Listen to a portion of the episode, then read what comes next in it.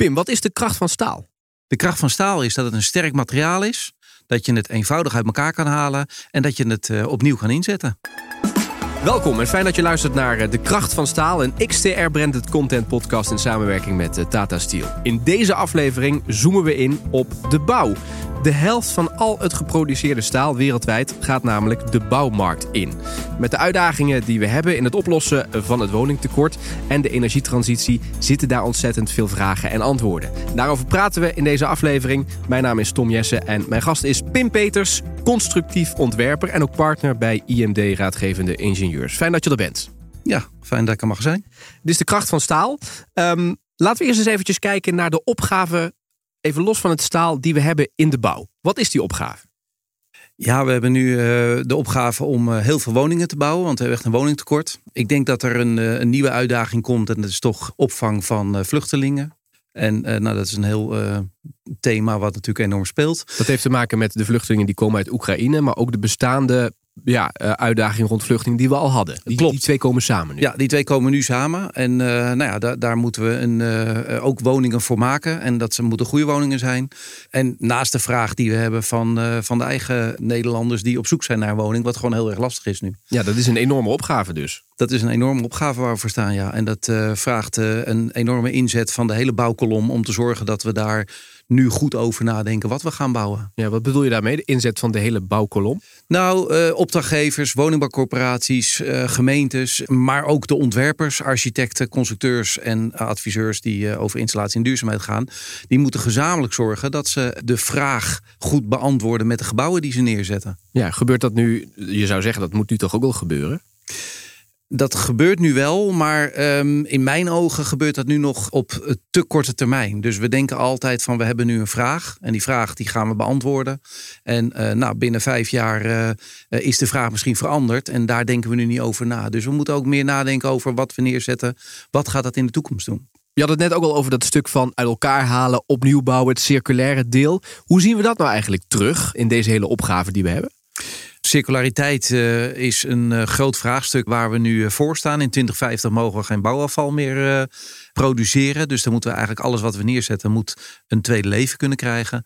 En ook hier bij de woningbouwopgave zullen we daarover moeten nadenken. Dus niet alleen voor huidige gebouwen neerzetten, maar ook in de toekomst nadenken wat we ermee kunnen gaan doen. Dus eigenlijk als ik een plat sla, hebben we twee opgaves. Dat is één, dat woningtekort. Nou, dat heb je duidelijk uitgelegd. Maar zeker ook uh, duurzamer bouwen en vooral circulair bouwen. Ja, dat, uh, dat laatste dat is uh, eigenlijk waar we nu voor staan om daar goede oplossing voor te vinden. Ja, want wat is het verschil ook nog eventjes tussen duurzaam en circulair bouwen? Duurzaam bouwen is de milieu-impact die de gebouwen veroorzaken door het bouwen en, en door het materiaal wat je toepast. En circulair bouwen is dat je eigenlijk geen nieuwe materialen nodig hebt om over de toekomst de gebouwen te gebruiken en te realiseren enorme opgave dus. De oplossing, eh, die heb je net eigenlijk al verteld. Maar als we daar eens wat dieper op inzoomen. Hoe gaan we dat dan beantwoorden, die enorme vraag naar woningen? Nou, ik denk dat uh, in eerste instantie we heel goed moeten kijken naar de, de juiste ontwerpen. En uh, daar denk ik aan flexibel bouwen. Dus als de vraag nu is kleine woonunits van 50 vierkante meter. Maar over 10, 20 jaar hebben we misschien behoefte aan het dubbele, 100 vierkante meter of daartussen. Dan moet het nu, het gebouw wat je nu neerzet, moet ja, die uh, aanpassing in de toekomst mogelijk maken. En dat is iets waar we nu uh, de laatste tijd uh, ja, niet heel erg bij stil gaan staan. Dat is één. En nummer twee, ja, we moeten ook nadenken over eventueel functieveranderingen van gebouwen. Dat zien we ook, hè, bedrijfsterreinen die, die leeg komen te staan. We hebben leegstaande kantoorgebouwen. En nou, daar hebben we ervaring nu mee opgedaan dat die heel goed, sommige gevallen heel goed te transformeren zijn naar woningen. Wat vraagt dat dan? Eh, als je dus een gebouw wat je nu bijvoorbeeld gebruikt om te wonen, misschien later gaat gebruiken als nou, recreatie of kantoorgebouw. Wat vraagt dat dan nu aan de voorkant? Wat, wat moet je dan doen wat we tot nu toe niet hebben gedaan? Ja, wat we nu moeten doen zijn adaptieve casco's uh, neerzetten. Wat zijn dat? Uh, adaptieve casco's zijn, uh, zeg maar, in veel woongebouwen zijn de, de woningschijnenwanden zijn draagond. En die, die kan je moeilijk vervangen of verplaatsen of kan je moeilijk aanpassingen doen in de plattegrond van zo'n woning. Een adaptief casco maakt het mogelijk dat je een, ja, een, een aanpassing op een vloer doet. Waarbij bijvoorbeeld eerst drie woningen zaten, er nu twee of vier komen. En dat kan je met kolommenstructuur doen door betonnen casco's, staalcasco's, maar ook houtcasco's. En gezien de opgave waar we voor staan, de hoeveelheid woningen die we moeten maken, denk ik dat we alle materialen goed met elkaar moeten gaan combineren. Ja, want je zegt de enorme aantallen. We hebben het over miljoenen woningen die erbij moeten komen. Ja, ja. Ja. En dat is binnenstedelijk, maar ook natuurlijk gewoon de traditionele rijtjeswoningen, zeg maar. Uh, dat is weer een andere opgave. Maar vooral bij die binnenstedelijke opgaves moet je heel goed nadenken over adaptieve gebouwen die je neer wil zetten. Ja, oké, dan, dan betekent die hele keten er weer bij. Want we moeten dus anders gaan nadenken aan die voorkant. Betekent dus, jij bent ingenieur, dat jij dus ook anders moet gaan tekenen, of niet? Nou, tekenen, anders nadenken. Dus in het ontwerp moet ik uh, de, de opdrachtgever en architect meenemen in de mogelijkheden van het adaptief bouwen. En van andere constructieve oplossingen die we eigenlijk gebruikelijk toepassen in de bouw. En dat is een stuk innovatie eigenlijk in de bouw, waar we voor staan. Die, uh, ja, die echt wel een uitdaging gaat worden, maar ook wel weer gefaciliteerd gaat worden door de impact die de bouw heeft op de milieulast. Ja, oké, daar komen we zo meteen nog eventjes uh, verder op te spreken. Dat is natuurlijk een belangrijk thema, maar toch eerst eventjes die opgave om nu te bedenken wat je misschien op termijn in de toekomst met het gebouw zou willen. Dat lijkt me toch vrij lastig. Want je denkt, ik ben nu ook een huis aan het bouwen. Nou, je bent dat aan het tekenen. Al genoeg vragen die je moet beantwoorden. Maar ik ben helemaal niet bezig wat er misschien moet komen over 10, 20 jaar als ik dan niet meer woon of iets anders van wil maken. Hoe doe je dat? Hoe kun je de blik op die verre toekomst richten? Ja, dat is natuurlijk een hele lastige vraag. En ja, de oplossing ligt hem in het feit dat je een gebouw neerzet wat, wat je kan aanpassen, wat je kan transformeren, zeg maar in uh, de, gebouwen, de betonnen casco's die in 1960 neergezet waren met kolommen en, en vlakke plaatvloeren. Dus, dus betonnen vloeren uh, die geschikt waren van kantoren. Ja, had men niet verwacht dat daar woningen in gemaakt zouden kunnen worden. En die kunnen er uiteindelijk wel in. Dus eigenlijk uit het verleden hebben we ook geleerd uh, welke ingrediënten je in je ontwerp mee moet nemen om te zorgen dat je je dat casco kan aanpassen. En welke zijn dat? Uh, verdiepingshoogte bijvoorbeeld, dat is één. Niet alleen maar dragende wanden maken, dus echt naar een kolommenstructuur gaan. En uh, ja, zorgen dat uh, ook mogelijkheden zijn om, om sparing in vloeren te maken, zodat je eventueel met leidingen en stijgpunten in de toekomst kan gaan schuiven. Welke rol speelt staal in dit verhaal? Staal heeft een, uh, een hele mooie eigenschap dat het met de mechanische eigenschappen van sterkte en stijfheid, dat je daar uh, grote vloeroverspanningen kan maken met weinig hoogte. Dus dat betekent dat de constructiehoogte die je nodig hebt, dat die um, beperkt is. En uh, door staal met andere materialen te combineren, kan je daar ook hybride constructies van maken. En waarbij circulariteit, wat natuurlijk heel erg een issue nu is, om te zorgen dat het in de keten blijft, ook heel goed mogelijk is. Dus je kan gebouwen neer gaan zetten die uh, ja, remontabel zijn. Die je haalt het weer uit elkaar en je bouwt het op een andere manier bouw je het weer op. Correct. Ja, we hebben nu bijvoorbeeld in Amsterdam een tijdelijke rechtbank uh, neergezet. Die voor vijf tot tien jaar uh, operationeel moest zijn. Die is, dat is een hybride constructie, stalen constructie met kanaalplaatvloeren. En uh, nou, die wordt momenteel uit elkaar gehaald kanaalplaten en staalconstructie wordt gedemonteerd. En die wordt in Enschede uh, getransporteerd. En daar wordt zeg maar een nieuwe functie aangegeven. Het was een rechtbank. Het wordt daar vermoedelijk een kantoorgebouw. Maar het zou ook een school kunnen zijn. Of het zou ook eventueel woning of een zorgcentrum kunnen worden. En wat maakt dan staal zo geschikt dat je dat op deze manier kunt toepassen? Nou, staal heeft het grote voordeel dat je het dus uh, met bouten zeg maar aan elkaar kan uh, verbinden. En een voldoende draagkrachtige verbinding daarmee kan maken. Waardoor het de constructie eh, veilig is. En ja, die dus uit elkaar gehaald kan worden en dan weer in elkaar gezet kan worden op dezelfde manier. Ja. Pim, nou heb jij in 2013 heb jij, uh, onderzoek gedaan naar het donorskelet. Uh, samen met de TU Delft als ik nou dit verhaal hoor, dan was dat eigenlijk dat donorskelet. En misschien moet je dat eventjes uitleggen waar dat onderzoek precies over ging. Dat, dat, dat, ja, dat is eigenlijk dit verhaal wat je hier vertelt. Namelijk het uit elkaar halen, opnieuw in elkaar zetten. Zodat je in ieder geval duurzaam kunt bouwen. Niet alleen nu, maar ook in de toekomst. Ja, ja, nou, donorskelet is uh, in 2013 hebben we daar het eerste onderzoek naar gedaan. Met de gedachte van als we dus uh, milieu-impact van de gebouwde omgeving willen reduceren, dan moeten we eigenlijk wat we verwijderen, hè, wat niet meer functioneel inzetbaar is, moeten we niet gaan uh, recyclen. Maar dan moeten we eigenlijk uit elkaar halen en weer opnieuw in elkaar zetten. Precies, want wat is er mis met recyclen? Het nadeel van recyclen is dat je het uh, weer uh, energie nodig hebt om de materialen, zeg maar, van de eerste functie om te uh, smelten bij staal, maar bij beton om, om te crushen, zeg maar, en te transporteren naar een nieuw Precies. product. En dat, en dat, wil je dus niet, want dat heeft impact op, op je uitstoot, et cetera. Juist, het heeft impact op uitstoot, transport. En dus het is veel beter om te zeggen, ik ga het gebouw uit elementen uit elkaar halen. En dan van die elementen ga ik eigenlijk weer een nieuw gebouw in elkaar zetten. Mhm. Dus recyclen is in de bouw dus ook geen optie eigenlijk? Recyclen in de bouw is, eh, als je kijkt naar de circulariteit, is dat eigenlijk een van de lagere zones van het circulariteit, zeg maar. Dus je wilt eigenlijk voorkomen Mocht het zo zijn dat je dus ergens mee zit wat je niet kan hergebruiken, ja, dan uh, is recyclen wel een mogelijkheid om in ieder geval uh, minder primaire grondstoffen voor de bouw nodig te hebben. Dus het is, het is, een, het is, het is niet de hoogste waarde van circulariteit. Eh, biopartner in uh, Oestgeest heeft ook rond dit donorskelet ook een, rol gespeeld. Hè? Of jullie hebben de, de, inzichten daar kunnen gebruiken. Kun je dat uitleggen? Ja, na de donorskelet hebben we een pilotproject, een aantal pilotprojecten gedaan. En het laatste project waar we het donorskelet echt heel goed hebben in kunnen zetten is bij Biopartner. De vraag was een, een lab te ontwerpen. En in de zoektocht van het lab kwam een universiteitsgebouw in Leiden kwam vrij. En dat moest uh, eigenlijk gesloopt worden. En uh, nou, daar zaten hele mooie stalen uh, kolommen en liggersportalen in. Die eigenlijk voor dat lab heel goed hergebruikt konden worden. En hebben wij het ontwerp van het nieuwe biopartner hebben wij aangepast. Om te zorgen dat die stalen elementen en die stalen portalen die uit het, uh, die universiteit kwamen, dat die de draagconstructies zijn geworden voor uh, Biopartner. Het leuke daarvan natuurlijk is dat ja, mensen die uh, op de universiteit rondgelopen hebben, nu in dat biolab ook werkzaam zijn. En zeggen: Kijk, ik heb in deze staalconstructie ook mijn studie uitgevoerd en ik ben daar nu in aan het werken. Dus dat heeft ook een soort extra waarde als je kijkt naar um, inzetten van tweedehands constructies. En dat maakt het erg leuk voor mij. Waar komen we als we nou kijken naar de bouw staal allemaal tegen? Neem, neem gewoon een huis. dat is voor de, voor de meeste mensen denk ik het meest aansprekende. Waar, waar zit dan allemaal staal in? Ja, staal over het algemeen uh, zit in staal zit in de draagconstructie, dus kolommen, balken. Je ziet het heel veel bij uh, hallen, hè, grote overspanningen, want die zijn met staal natuurlijk uh, eenvoudig te, uh, te maken. Als je kijkt bij huizen, zie je niet heel veel staal. Dat is toch meer traditioneel baksteen en beton. Zit het ook in de grond? Als je voordat je gaat bouwen, dat je in de grond nog staal moet neerleggen voor een extra versteviging?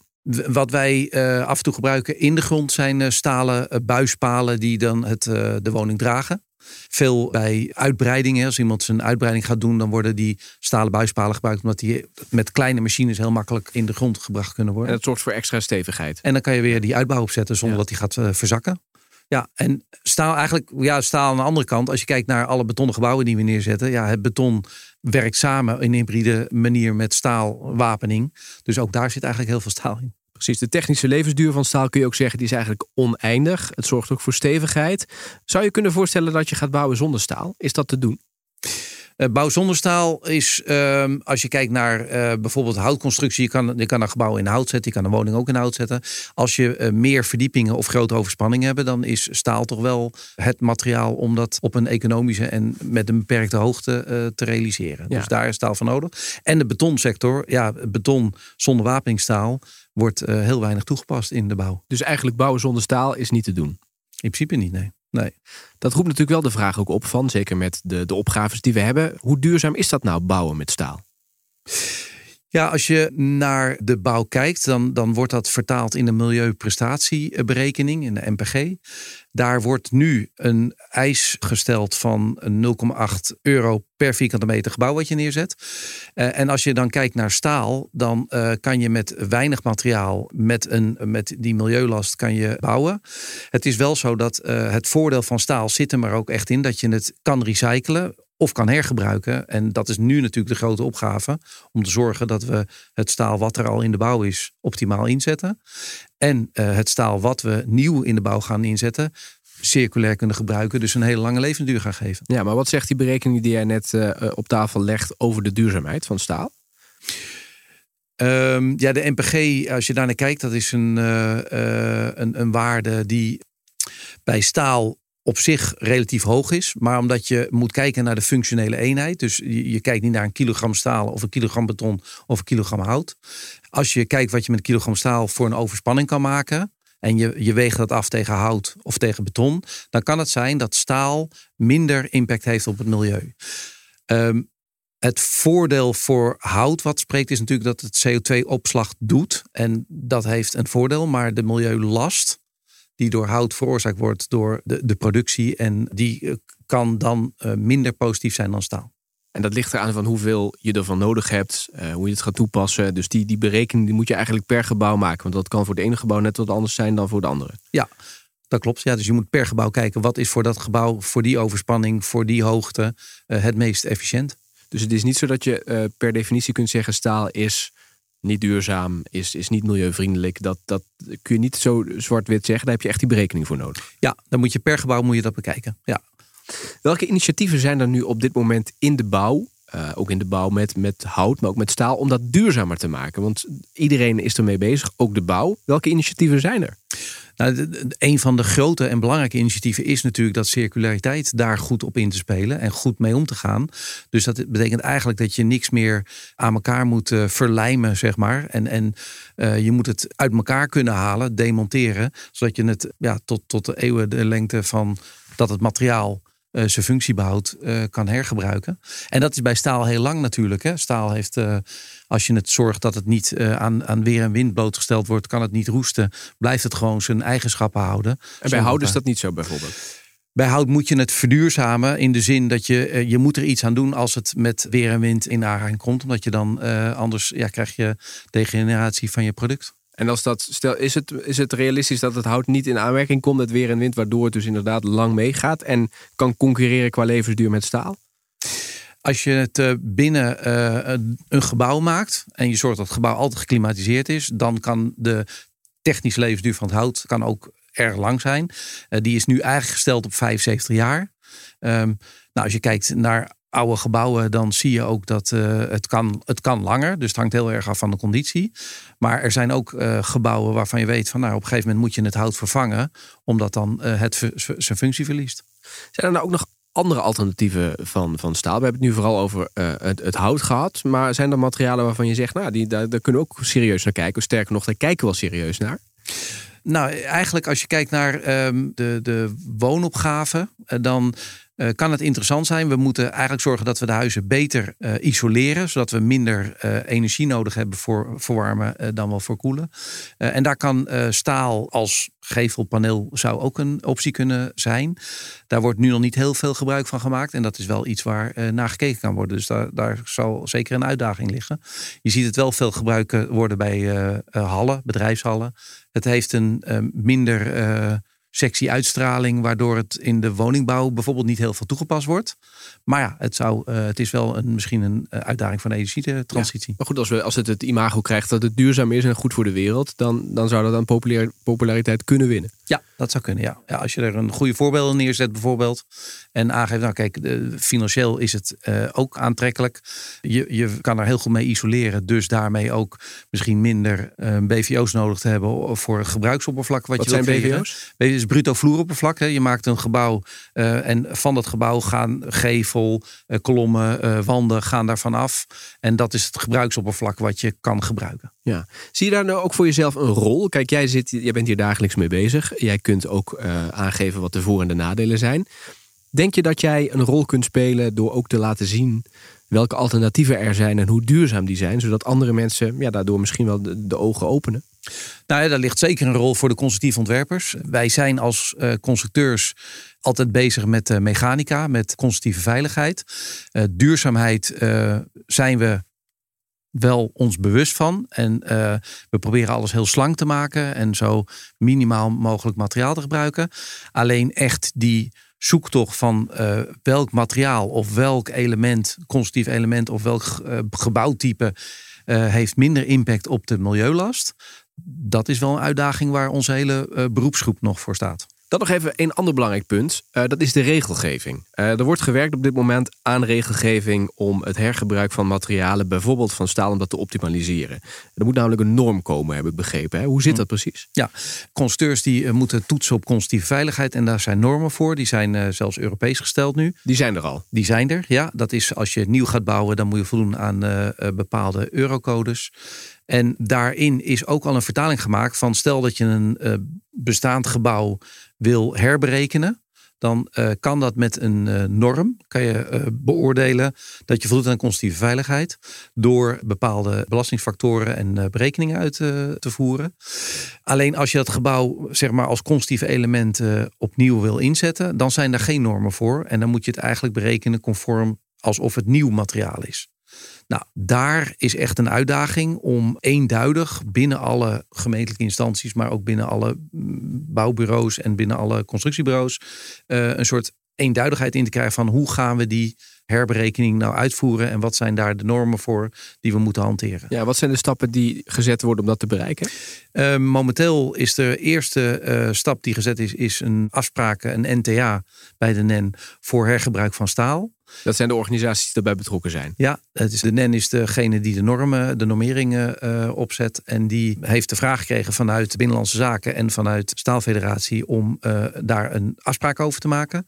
Um, en ondertussen is de NEN ook bezig met een werkgroep uh, hergebruik constructieve elementen. Dus het belang daarvan wordt nu heel duidelijk. Er zijn heel veel partijen die daar ook ja, om zitten te springen, omdat dat het grote vliegwiel zou moeten zijn om dat hergebruik van constructieve elementen in de bouw ook voor elkaar te krijgen. Ja, stel dat het is nu nog pionieren. En als dat dan nou is, ja, dat snap ik. Dus dat is nog stapje voor stapje kom je in de goede richting. Stel dat dat nou er is, hè, die, die, die norm op het vlak wat je net aanstipt wat maakt het dan makkelijker? Wat kun je daar dan mee?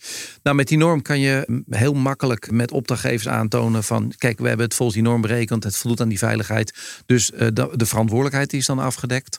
En overleggen met uh, gemeentelijke instanties om uh, het hergebruikte element dusdanig te toetsen en te berekenen... dat dat ook hun erachter kunnen staan voor de constructieve veiligheid van de gebouwen die ze moeten ehm, accepteren. Ja. Waarom is die dan nog niet, die norm? Ja, we zijn niet gewend om, uh, om constructies her te gebruiken. Uh, in 2013 heb ik dus het donorskelet uh, eerst onderzoek gedaan. Ik denk dat wij nu een, een tiental gebouwen donorskelet hebben ingezet. En nou ja, dan, dan zie je gewoon dat die, het nu heel veel energie vraagt om, om, om het voor elkaar te krijgen. Nou, als je dat leuk vindt, dan krijg je daar positieve energie van. Dus dat moet je dan zeker doen. En dat, dat zien we ook bij ons bureau. Maar ja, de grote slag naar uh, het hergebruik wordt tegengehouden omdat die norm niet is. Leuk is, we hebben het nog helemaal niet over gehad. Je hebt ook meegedacht aan een klimaattafel rondom de uitdagingen die er zijn. Wat was precies de, de opgave die aan jullie tafel uh, besproken werd? Ja, wij zaten van het betonakkoord. En uh, betonakkoord heeft ertoe geleid dat nu er ook een staalakkoord is afgesloten. Dus de twee grote bouwmaterialen die hebben de, de handen bij ineengeslagen bij de keten om te zorgen dat ze een, uh, ja, iets gaan doen aan de milieulast. Daar was een tafel circulair ontwerpen waar ik bij zat. En aan die tafel hebben wij eigenlijk um, ja, zeg maar de aanzet gegeven om uh, niet te veel op recyclen te kijken, maar meer te kijken op hergebruik en op systeem. En dat is het bouwwaardemodel uitgekomen, waarin je ziet dat als je het uh, materiaal wat je toepast, bijvoorbeeld staal of, of het beton, als het in het gebouw staat, dan heeft het de meeste waarde. En hoe langer dat in het gebouw kan blijven, hoe langer je die waarde behoudt met het materiaal. Ja. Vind je dat met de aanbevelingen voldoende aan de slag gegaan wordt nu op dit moment? Um, het, het, wordt nu onderzocht en er, wordt nu, er worden nu stappen genomen om het akkoord wat afgesloten is, zowel van beton en straks ook voor taal, om die in de bouw zeg maar uh, uh, ja, actief te krijgen. Okay. En, dat klinkt nog voorzichtig. Het, ja, het is ook nog voorzichtig in mijn ogen, omdat ja, je, je, je moet nog steeds die opdrachtgever kunnen overtuigen dat hij ook een adaptief gebouw wil. Of dat hij ja. uh, een, een circulair gebouw wil. En daar ligt dus nog een opgave. En daardoor gaat het nog niet, misschien niet zo snel zoals jij gehoopt had. Nog één poging misschien om, om die mensen die twijfels hebben hè, over dat adaptieve bouwen te overtuigen. Waarom moeten we dat willen in combinatie met staal of een ander product of een combinatie van die twee, wat jou betreft? Nou, wat mij betreft, we moeten willen is, is om te zorgen dat uh, de, de, de impact die de hele bouw, de welvaartgroei en alle veranderingen die er in de wereld nu uh, gaande zijn, om die te kunnen blijven faciliteren, ja, hebben we gewoon, moeten echt zuinig omgaan met de materialen die we daarvoor hebben. En je ziet ook schaarste ontstaan. Hè? In alle branches is bijvoorbeeld schaarste van de chip merkbaar. Nou, um, straks hebben we schaarste van staal. Nou, dan, dan moeten we met het staal wat we hebben heel voorzichtig omgaan. Stapje voor stapje gaan we de goede kant op, Pim. We hebben veel geleerd uh, in deze aflevering. Dankjewel daarvoor. Fijn dat je er was. Graag gedaan. Leuk om te zijn. Dit was De Kracht van Staal, een XTR branded content podcast in samenwerking met Data Steel. De gast was Pim Peters, constructief ontwerper en partner bij IMD Raadgevende Ingenieurs. Abonneer je op dit kanaal zodat je automatisch ook een seintje krijgt als er weer een nieuwe aflevering uh, verschijnt. En in de volgende aflevering gaan we het hebben over een heel ander onderwerp, namelijk voedselverpakkingen. Dankjewel voor het luisteren en heel graag tot de volgende keer.